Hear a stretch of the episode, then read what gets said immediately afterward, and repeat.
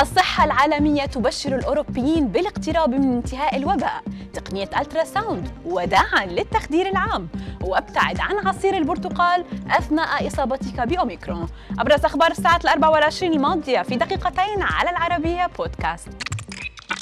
اعتبرت منظمة الصحة العالمية أن أوروبا قد تكون على طريق الخروج من وباء كوفيد 19 بعد سنتين من ظهور هذا المرض في القارة العجوز حيث يحتمل أن يصيب المتحور أوميكرون 60% من السكان بحلول مارس.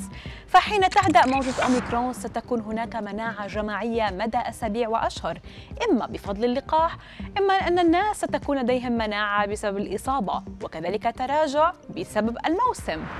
وبالتالي تراهن منظمة الصحة العالمية على فترة هدوء قبل عودة كوفيد 19 الممكنة قرابة نهاية السنة لكن ليس بالضرورة عودة الوباء. بشرى سارة للمرضى الذين يرفضون فكرة إجراء عمليات جراحية نتيجة تخوفهم من الآلام المبرحة والمضاعفات الخطيرة والأعراض السلبية التي تترافق مع أساليب التخدير العام. وذلك باستخدام تقنية الألترا ساوند وهي تقنية حديثة في مجال طب التخدير.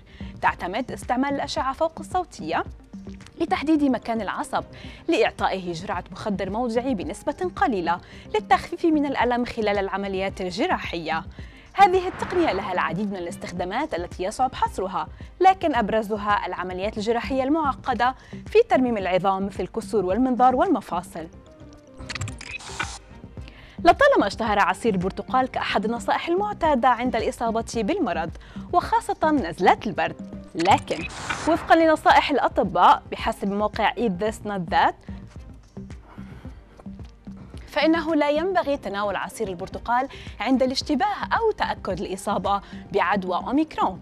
فالطبيعة الحمضية لعصير البرتقال سوف تسبب في الواقع المزيد من الانزعاج إذا كان الشخص مريضا بأوميكرون وخاصة أنه يؤدي إلى التهاب الحلق الشديد وهو في الوقت ذاته من أعراض أوميكرون.